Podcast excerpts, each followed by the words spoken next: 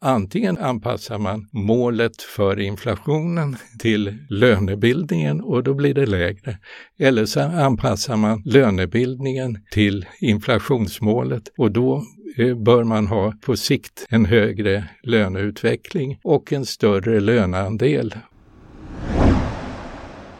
Du lyssnar på Samhällsekonomiska podden med mig Simon Winge. Idag ska vi prata om ekonomisk politik.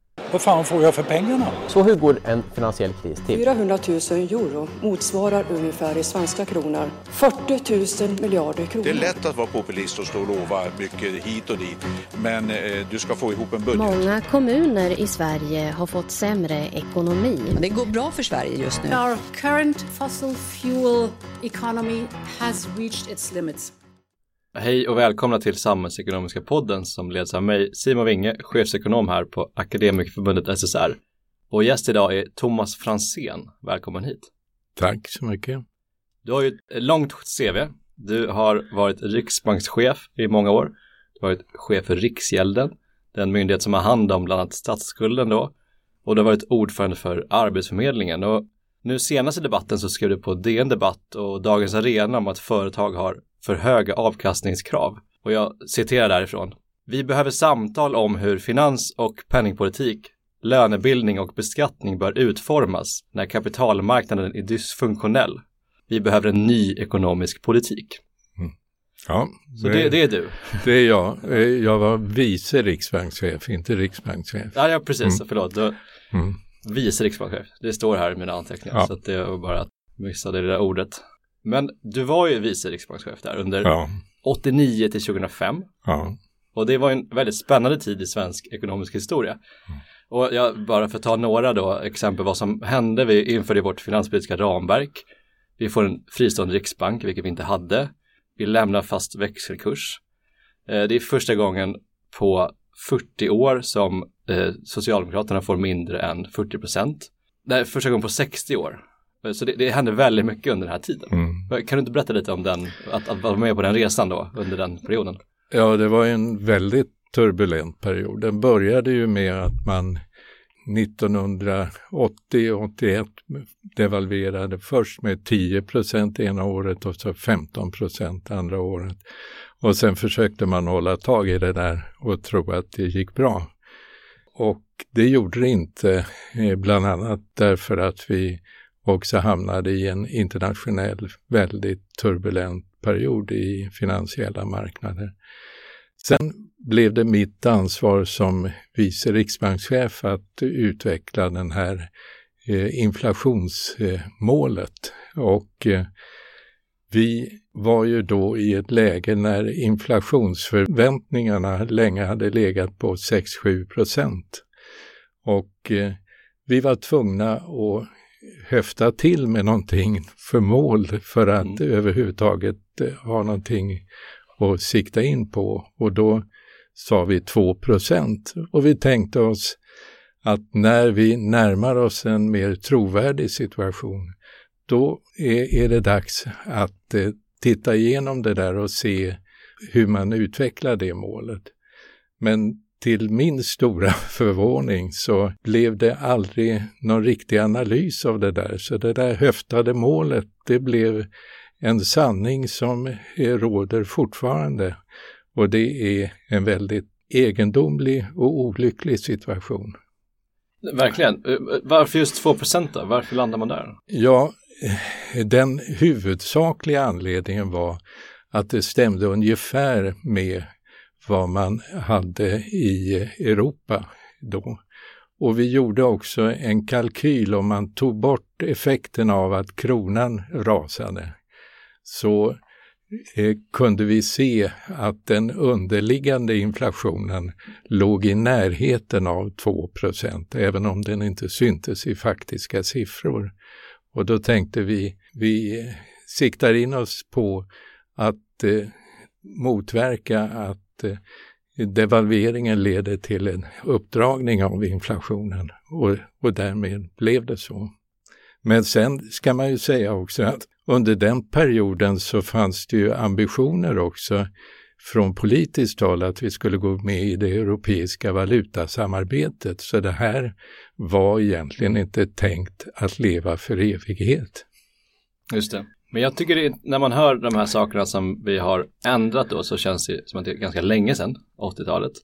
Men samtidigt får vi som fack ibland höra att eh, om, med, med lönekrav och så att nu riskerar vi en löneprisspiral igen som vi hade då. Och det tycker jag är lite märkligt med tanke på allt annat som har hänt. Känns inte som att mycket har förändrats sen. Ja, man kan väl säga att vi har en, Eh, en inflationsbubbla som har kommit nu och den måste vi ta hand om. Men den har väldigt få likheter med den, eh, de typer av bubblor vi hade under 70 och 80-talet. Det som vi nu har fått är att eh, fackföreningarna har egentligen tagit ett stort ansvar för att eh, se till att det här, de här effekterna nu inte rullar vidare och blir en, en inflationsspiral. Men det man talar väldigt lite om är att eh, när nu fackföreningarna accepterar eh, reala löneminskningar så talar man väldigt lite om att egentligen borde också företagen acceptera att eh, avkastningen går ner i svåra tider. Och det finns en uppdelning där. Om man tittar på eh, familjeägda företag så beter de sig mera långsiktigt. Det vill säga de accepterar en nedgång i avkastningen när eh, det är svåra tider. För de tänker långsiktigt på företagens överlevnad.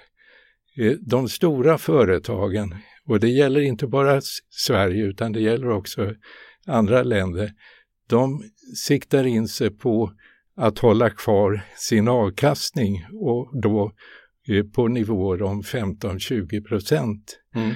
Och eh, då har de två mekanismer. Ett, de övervältrar sina kostnader eh, och räntekostnaderna nu också på sina kunder och sen skär de ner. Och erfarenheten från finanskrisen visar att den här strävan att snabbt komma tillbaka till extremt höga avkastningskrav ledde både till en fördjupning och förlängning utav krisen som kom i samband med finanskrisen. Mm.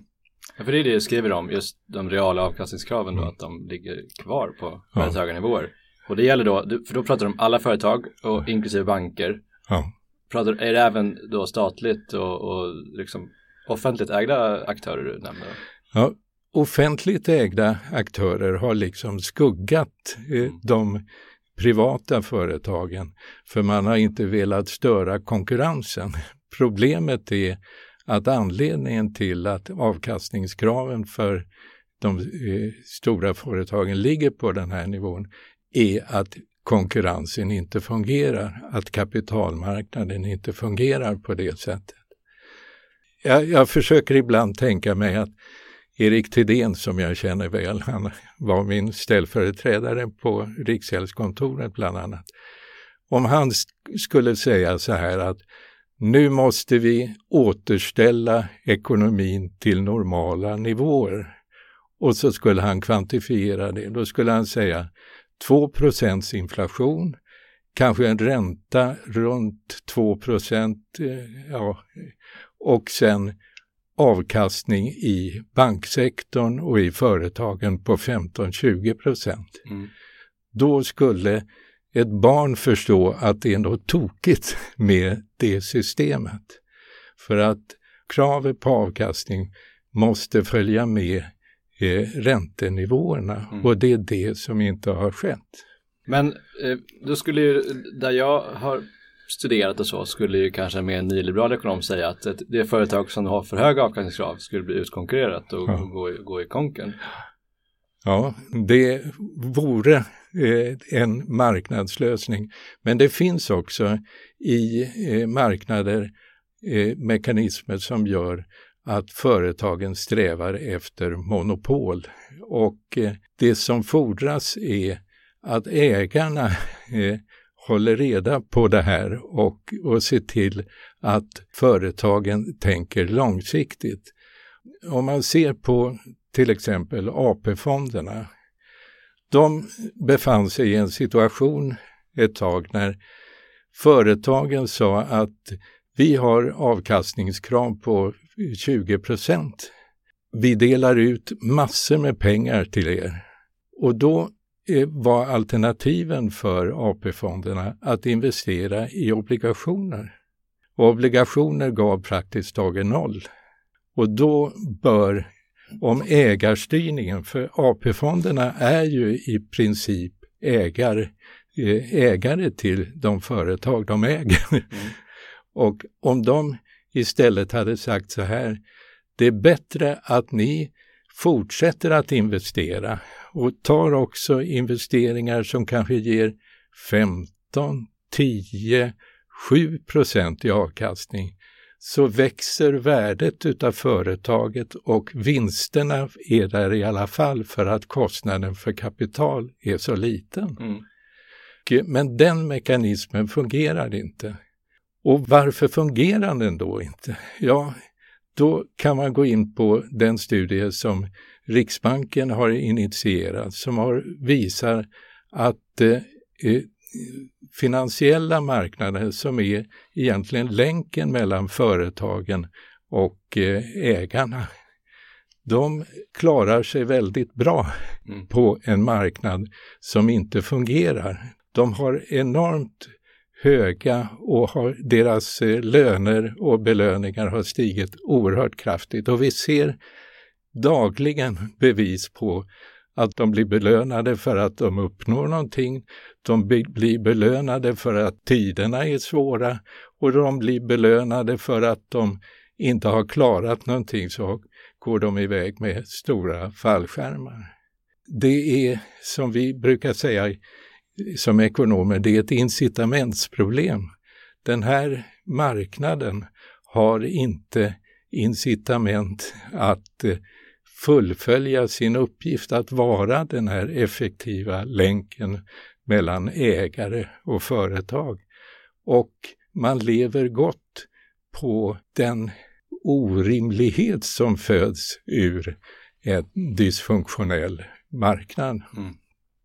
Och du säger att det här ger, ger egentligen två effekter. Det ena är då att det tvingar bankerna och fonderna att ta ganska stora risker, tolkar det. Och det andra är att de inte gör eller investerar i projekt som ligger under det här kravet. Så mm. de, de lämnar så produktiva mm. saker på, mm. hängande på trädet. Så. Ja. Tolkar det rätt då? Ja, och, och, man kan se vad Stefan Ingves sa för eh, ganska många år sedan nu. Att det verkar som om han önskade sig två räntor. Ett för företagen och ett för hushållen. För att när centralbankerna har försökt få igång investeringarna så har inte investeringarna kommit igång, men det som har kommit igång är låntagande och eh, väldigt kraftiga förändringar i tillgångsvärden, tillgångsbubblor. Och eh, genom att man har gjort så här så har man dessutom, den andra sidan är att man har tryckt ner eh, räntenivån så att vanliga räntesparare har inte fått sin någon vidare avkastning. Och det har lett till att företagen har blivit väldigt lönsamma eftersom de har lånat till extremt låga räntor. Mm. Och då har de använt den lönsamheten till att dela ut istället. Mm. Det är en problembild tror jag som ganska många håller med om. Men om man går ner i verktygslådan då, hur ska vi, hur ska vi göra? För menar, de statliga företagen äger vi själva. Mm. Men den här oligopolmarknaden äger vi inte. Va, mm. Hur ska vi förändra ja. det här? De statliga företag man äger, de måste man sköta långsiktigt och eh, som eh, en ägare som tar ett långsiktigt ansvar. Och det innebär att man ska sätta avkastningsmålen rimliga eh, sett från lång sikt. Och ta till exempel eh, SBAB. Eh, SBAB försöker skugga lite grann eh, bankerna för att eh, man eh, tittade över avkastningskraven för ett tag sedan, för några, flera år sedan. Men då var liksom ambitionen också att man skulle kanske sälja ut SBAB till bankerna. Och då ville man inte dra ner avkastningskraven. Men om man istället använder eh, SBAB till att eh, sänka avkastningskraven och, eh, och konkurrera med bankerna, då skulle man tvinga bankerna att sänka sina eh, utlåningsräntor. Och eh, det skulle gynna hela ekonomin. Idag kan man säga, var det förra året tror jag det var ungefär 100 miljarder i vinster i bankerna och 50 miljarder utav de här gick ungefär till, till aktieägarna. Det innebär att åtminstone 50 miljarder går från bankernas kunder till eh, aktieägarna i on, onödan och egentligen ännu mera. Det skulle innebära att bankernas kunder inte bara Eh, deras bostadskunder, eh, bostadslånekunder utan också andra kunder skulle må mycket bättre. Likadant ska man ju använda eh, SBAB till att ha en hög inlåningsränta för att se till att eh, man också får en konkurrens om, om inlåningen. Och sen behöver man en eh, finansinspektion och ett konsumentverk som verkligen talar klartext och säger flytta pengarna från bankerna om ni inte får den här avkastningen. Och eh, sätt dem inte i den här situationen att jag ger in och förhandla med storbanken om era räntor.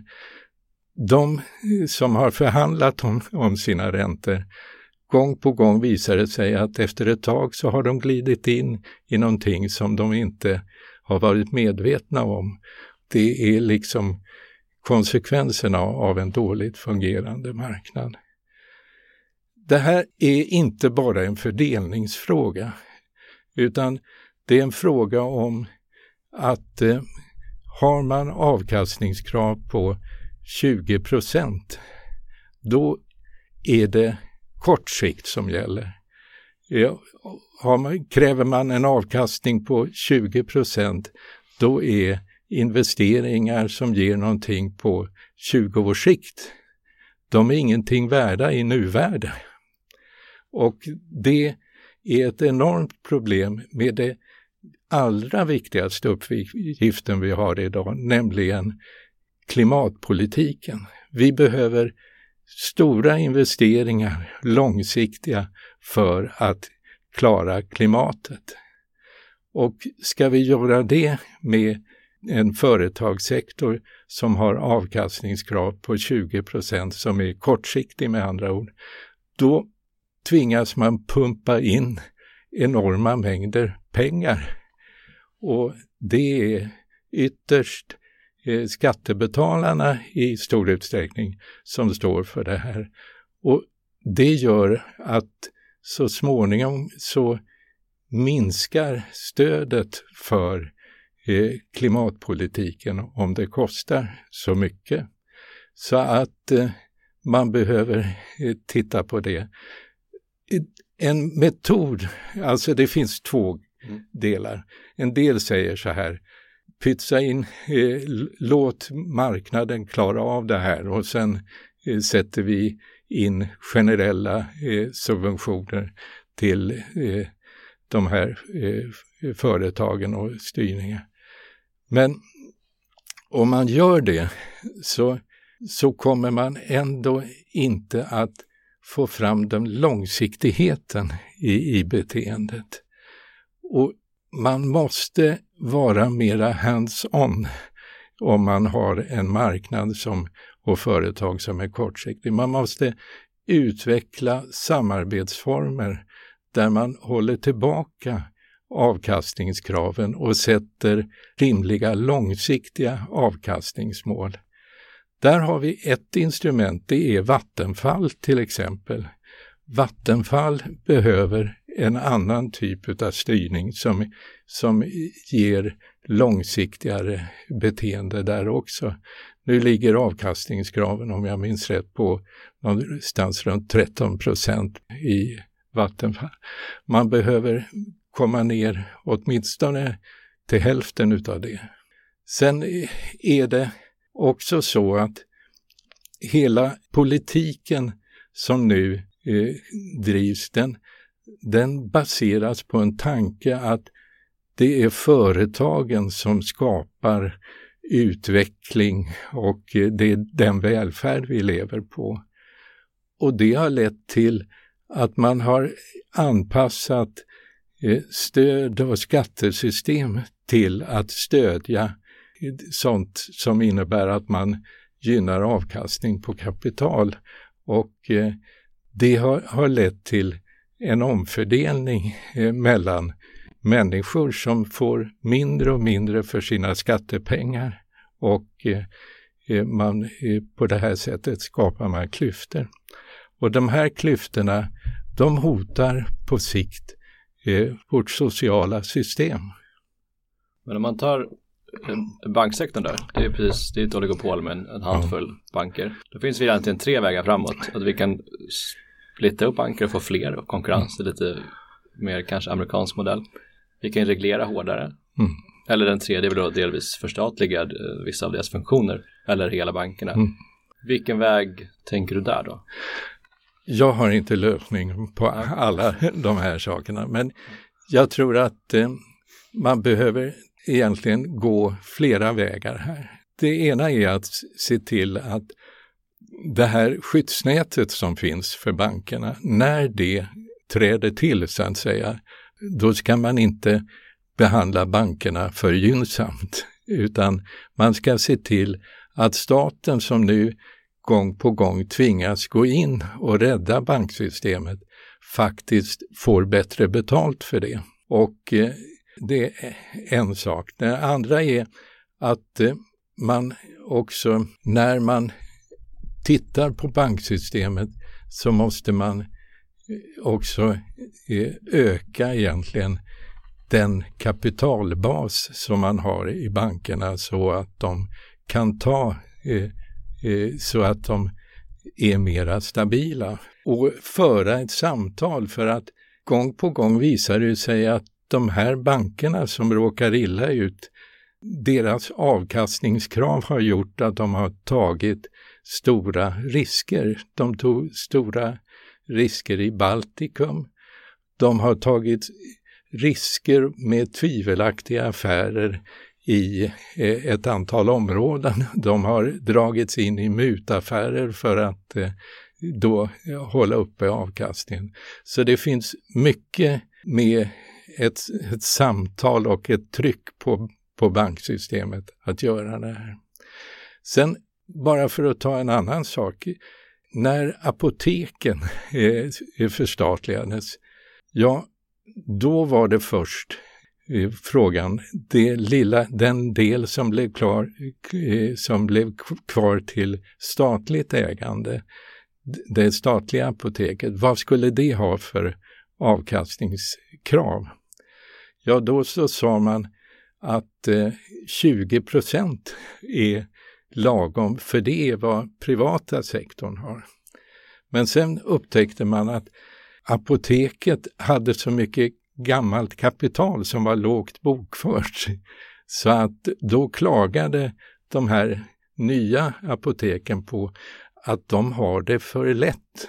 Och då tog man istället och satte en målsättning att man ska ha samma marginaler på sin försäljning som de andra för att man inte ska störa eh, de andra eh, aktörerna. Och därmed har man alltså tagit bort en stor del utav möjligheten att konkurrera med privata sektorn. Jag, jag menar att eh, man ska titta igenom alla de områden där man har statligt ägande och titta på vad är en långsiktig vettig avkastning? Använd företaget för att driva det. Det kommer att gynna konkurrensen i ekonomin och det gynnar vårt samhälle. Den första punkten du nämnde att inte behandla banker för gynnsamt, det tycker jag man hör ibland att under 90-talskrisen så var vi ganska hårda mot bankerna, att vi förstatligade delar av dem och sen sålde tillbaks när det hade lugnat ner sig. Delar du den bilden att man var hårdare då?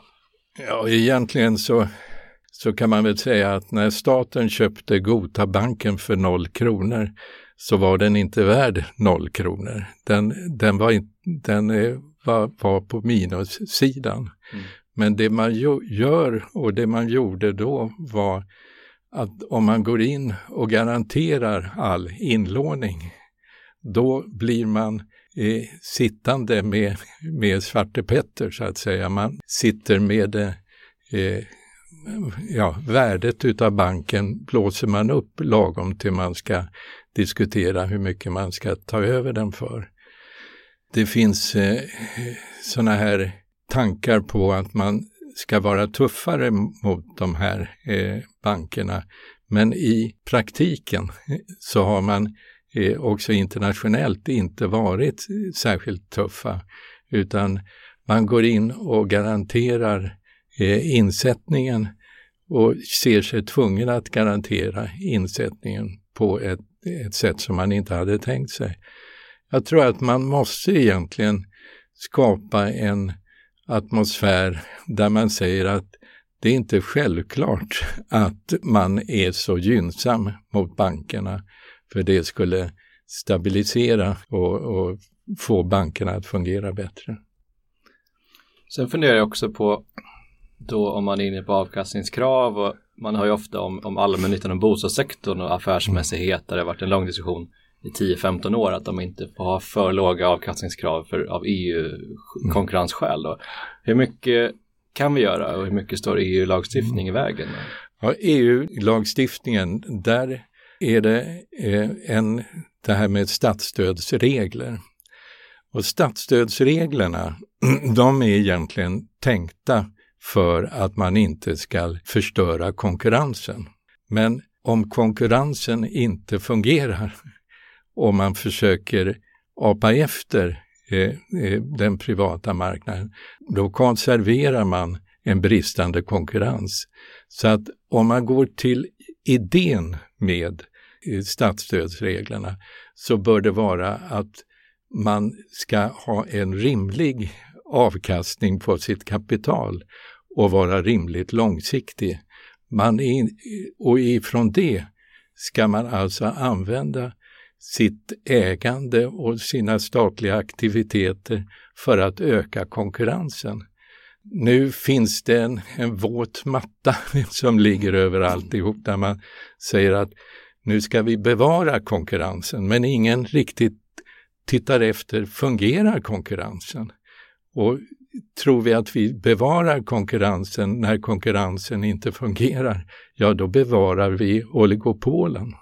Men det blir väl en fråga för domstolen nere i, i EU då, syvende och sist. Borde vi sticka ut hakan mer där? Ja, definitivt, definitivt. Och jag tror att det finns krafter inom såväl OECD som inom eh, EU som, som är inne på det här, nämligen vad, vad, vad beror det på? OECD publicerade en, en rapport för något år sedan där man pekade på kortsiktighet, brist på investeringar och eh, eh, de orimligt höga utdelningarna istället för investeringar. Du nämnde Tedén som numera då är riksbankschef, inte vice utan mm. de facto. Och han höjde ju med sin direktion med 50 punkter här i veckan när vi spelade in den här podden. Mm. Hur ser du på den här ganska aggressiva räntepolitiken som banken för? Jag tror att det är svårt att hantera situationen som den har blivit. Eh, centralbankerna gick och hela ekonomiska politiken under inte minst pandemin och särskilt i USA vräkte in pengar för att hålla uppe aktiviteten. Och det ledde till en inflationsbubbla. Och man var så frikostig så att egentligen eh, aktiemarknaden jublade under eh, pandemin. Och om man vräker in mycket pengar samtidigt som produktionen i samhället minskar, ja då har man bara att vänta en, en inflationsbubbla. Och det, den uh, frågan kan man diskutera och där nu, eh, jag brukar tänka på man kan diskutera vädret eller man kan diskutera klimatet. Eh, idag diskuterar man, ska det vara 15, ska det vara, eller ska det vara 25 punkter, ska det vara 50 punkter eller ska det vara 0 punkter? Och, och det, det blir en underhållningsdetalj. Och den drivs väldigt mycket utav bankekonomer som inte har en tanke på de andra sakerna vi pratar om, nämligen om man skulle diskutera avkastningskraven och hur, företagen kompenserar sig för höga kostnader, då skulle det slå tillbaka till på deras egen arbetsgivare. Och ett tag så fanns det då eh, bankekonomer som pratade om att företag får acceptera en nedgång i lönsamheten. Men plötsligt försvann det där och eh, det försvann ungefär samtidigt som det visade sig att bankerna gör rekordvinster.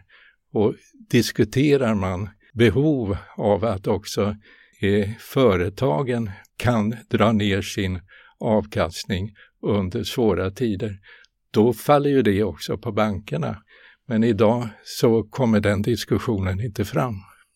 Eh, jag skrev faktiskt en krönika för någon månad sedan som var att, eh, att jobba på centralbank borde vara tråkigare. För jag tror att den här den bristande finanspolitiken har gjort att Riksbanken har fått en större roll. De har gjort, som du säger, tillgångsköp och till och med bostadsobligationer har varit inne och spekulerat i. Mm. Och det är ju fördelningsfrågor som borde ligga under demokratiskt styrda organ, till exempel mm. riksdag och regering. Håller du med om att man borde ha, Thedéen borde ha lite tråkigare på jobbet? Ja, det borde han ha. Men han borde också ha roligare, för de behöver egentligen tänka om vad de har gjort. Mm. Och tyvärr så sitter man fast i, det är svårt att erkänna att man har gjort något som har varit tokigt, för man har verkligen tryckt på för att få igång ekonomin och investeringarna, men man har inte förstått vad det är som styr investeringarna. Och det har lett fram till en väldigt olyckligt klimat för att det är inte bara det att man eh, har omfördelat inkomster i samhället, utan man har också konserverat uppfattningar i företagen om att man kan nå de här höga avkastningskraven. Därför att är låneräntan väldigt låg, ja, då kan man låna billigt och, och få hög avkastning. Så man behöver en mera intellektuell verksamhet eh, i centralbankerna och den brister och jag tror att den, den har varit, det har varit ett tryck på och en kritik mot eh, eh, centralbankerna för att inflationen har varit för låg. Och det har lett till en sorts bunkermentalitet i centralbanksystemet där man eh, försvarar eh, sin aktivitet eh, till det yttersta istället för att ompröva. Och det finns krafter inom den europeiska centralbanken och det finns inom centralbanksvärlden framförallt några som har Eh, varit före detta eh, eh, centralbankschefer har gått in och kritiserat hela upplägget med en oerhört expansiv penningpolitik som, och alla uppköp av obligationer och aktier där man inte egentligen har visat konsekvenserna eller sett resonemangen bakom. Så att sen när det gäller det här vem som ska ta ansvar för eh, det ena och det andra så tror jag att centralbanken ska ha ett långsiktigt ansvar.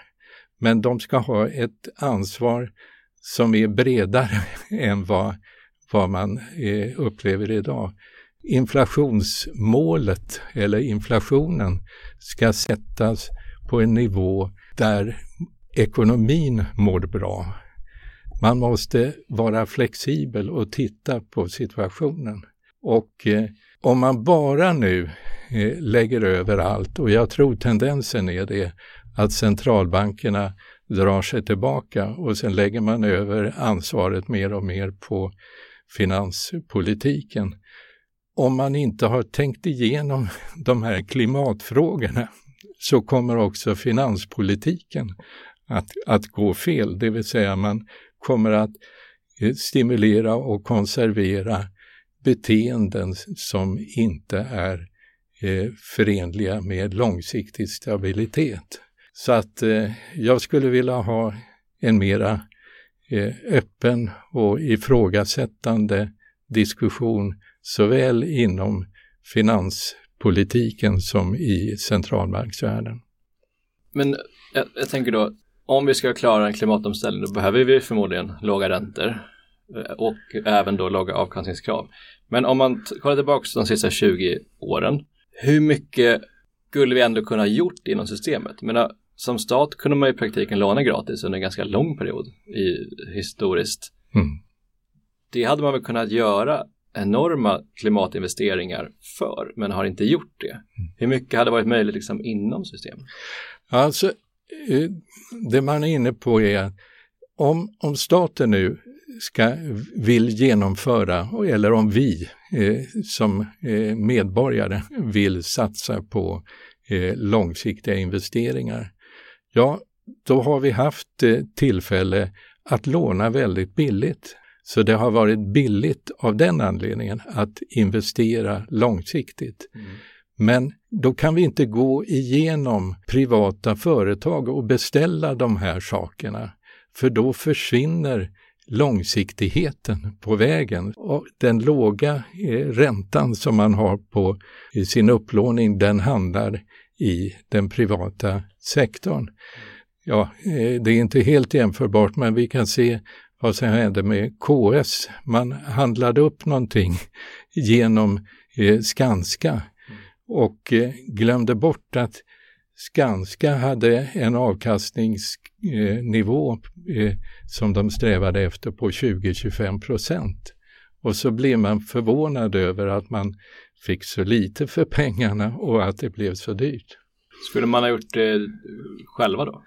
Ja, man skulle definitivt inte ha låtit eh, Skanska finansiera det här för att eh, kostnaden för, att, för deras finansiering är väldigt mycket högre än för, för stat och kommun. Det, är, ja, det var egentligen eh, huvudlöst, men det var en enorm tryck på att man skulle använda den privata marknaden som om den var det effektivaste man kan tänka sig och så glömmer man hela tiden att den ena eh, nyheten efter den andra egentligen pekar i riktning mot att den här idealbilden, den lever man inte upp till heller.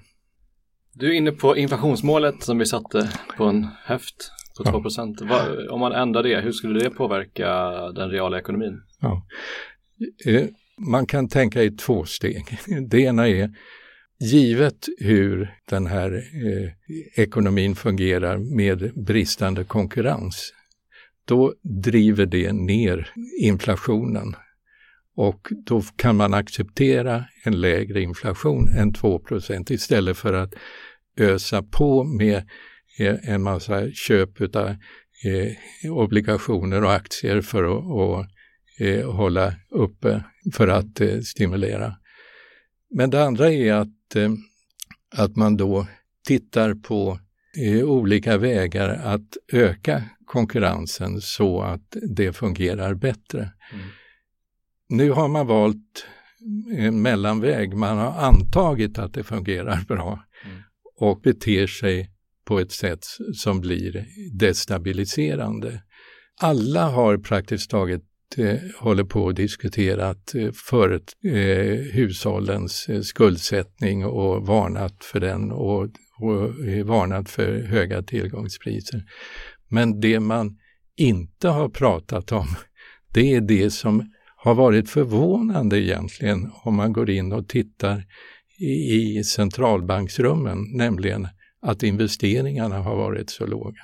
Och, Och det är där vi måste börja. Jag har inte lösningen på det hela. Och på, jag, jag har en, en massa ingångar och det handlar om ett, att få de aktörer som ska företräda ägare mm. att faktiskt ta sitt ägaransvar, inklusive då eh, AP-fonder och pensionsfonder.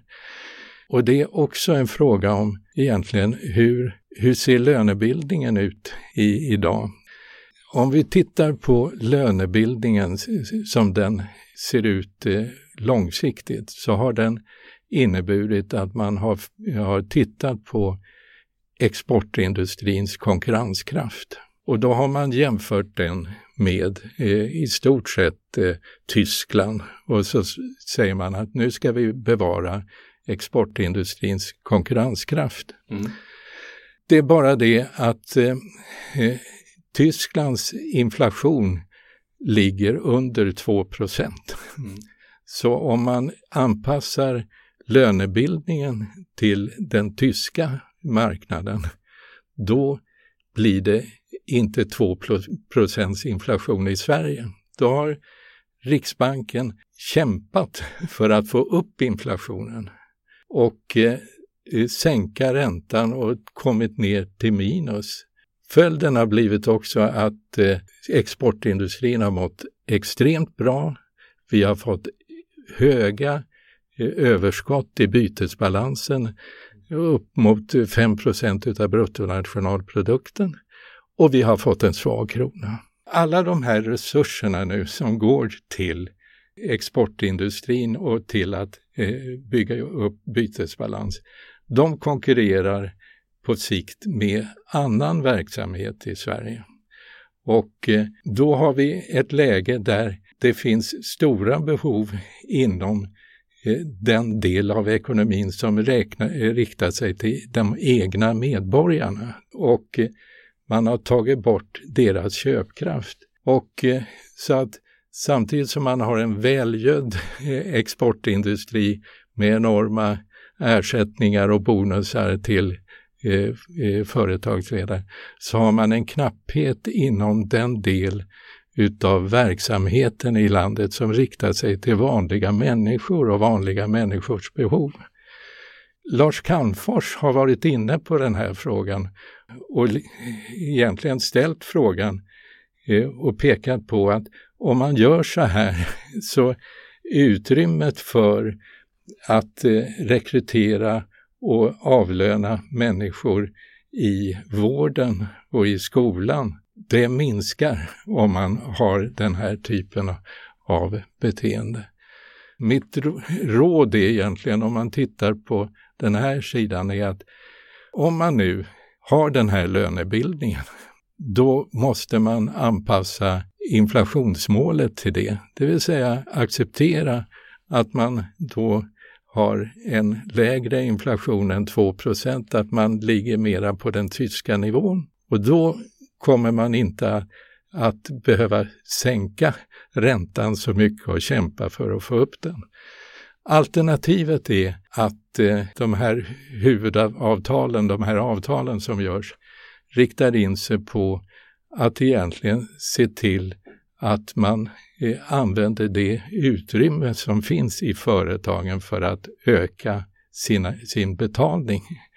Och i, i det sammanhanget skulle man egentligen eh, få en högre löneutveckling, en, en större köpkraft i landet och en omfördelning från utländska invånare till svenska invånare. Och det skulle också gynna samhället som helhet.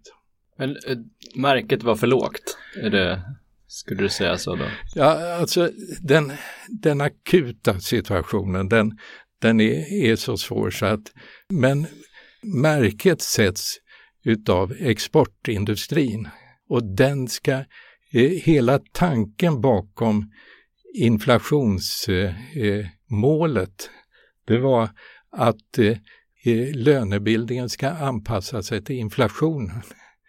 Och nu har då, då har det blivit så att LO klagar på att man inte har fått upp inflationen till 2% Och egentligen, om man läser mellan raderna, så säger eh, Riksbanken att nej men det är löneökningarna som är för låga.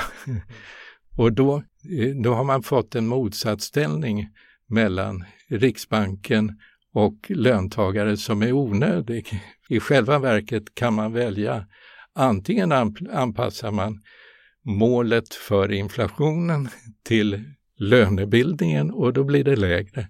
Eller så anpassar man lönebildningen till inflationsmålet och då eh, bör man ha eh, på sikt en, en högre löneutveckling och en större löneandel. Och det här ser vi också i grövre termer att eh, andelen som går till löner sjunker mer och mer.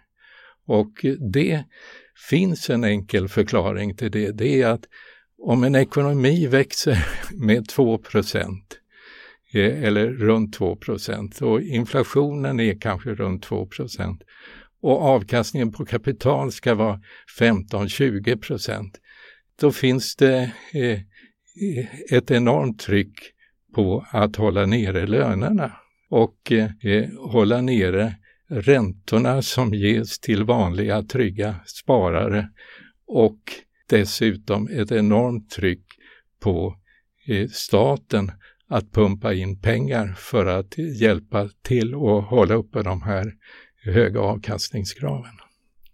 Jag tänkte du skulle runda av med en fråga till om Riksbanken. Mm. För under din tid där så får man också, man gör väldigt mycket, man stärker självständigheten. Mm. Så vi har ett gäng experter som har ett väldigt brett mandat skulle jag säga, finansiell stabilitet som kan man ta som intäkt för att göra väldigt mycket. Och det är egentligen en, ett, ett, ett gäng som inte har något demokratiskt ansvarsutkrävande till skillnad från då regering och riksdag. Är, är det en bra ordning tycker du framåt också? Eller bör man göra någonting där? Ja, jag menar att det finns ett demokratiskt ansvarsutkrävande och det är gentemot riksdagen. Att man, riksdagen, när man kräver ansvaret så ska man inte bara acceptera en siffra utan man, man ska göra en mycket större granskning mm. av vilka avvägningar som är gjorts. Feltanken bakom utvärderingen har varit under flera år att det är just inflationssiffran, om den har blivit Ja, man har till och med hållit på att tjafsa om tiondels eh, avvikelse från målet. Att det är den siffran som är den enda. Men hela den här frågan som har att göra med vad är en rimlig inflationstakt och rimlig utveckling i den ekonomi som vi faktiskt har. Och då måste man eh, acceptera att penningpolitiken har genomslag på mycket. Den har genomslag på fördelningen, den har genomslag på vinster och, och en massa saker i samhället, sysselsättning. Och den diskussionen måste man ta.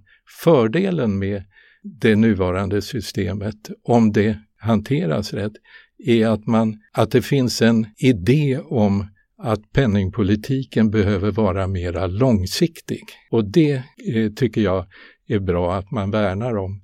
Men det är inte detsamma som att penningpolitiken ska vara ensidig, utan den ska vara mångsidig.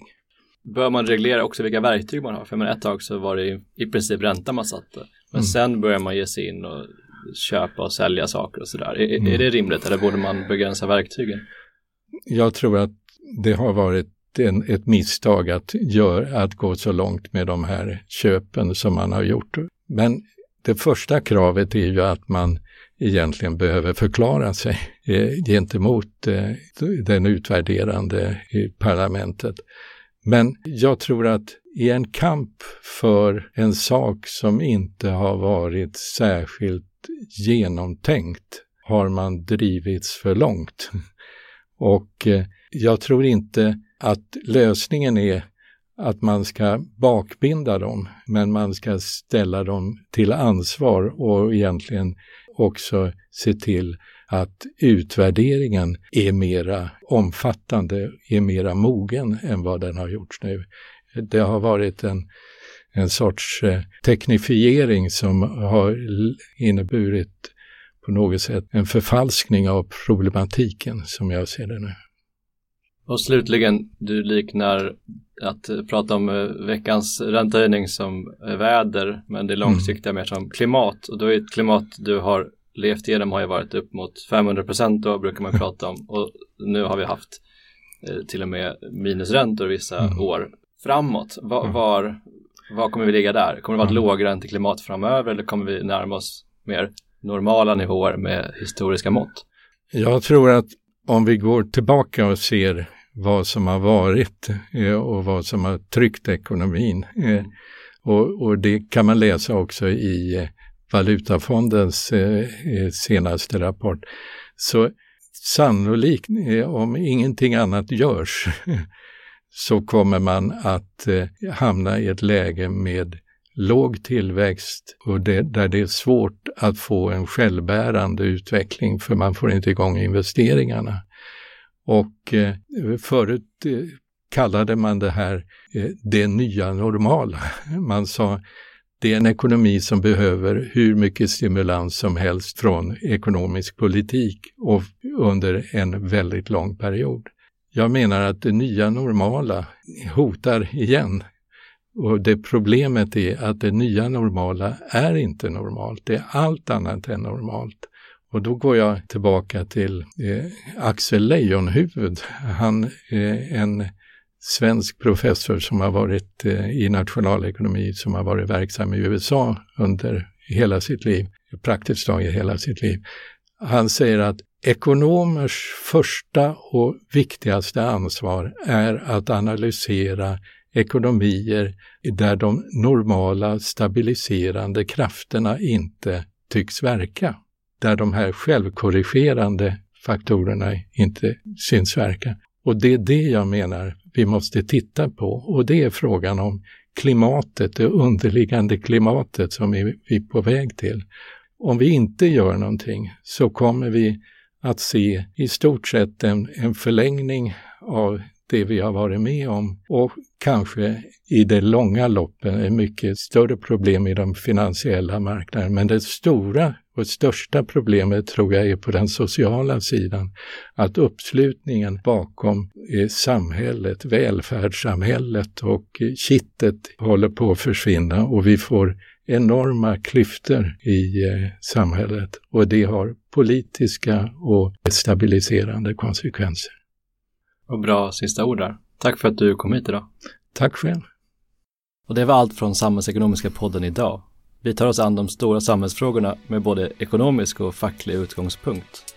Samhällsekonomiska podden görs av Akademikerförbundet SSR, Sveriges ledande samhällsvetarförbund.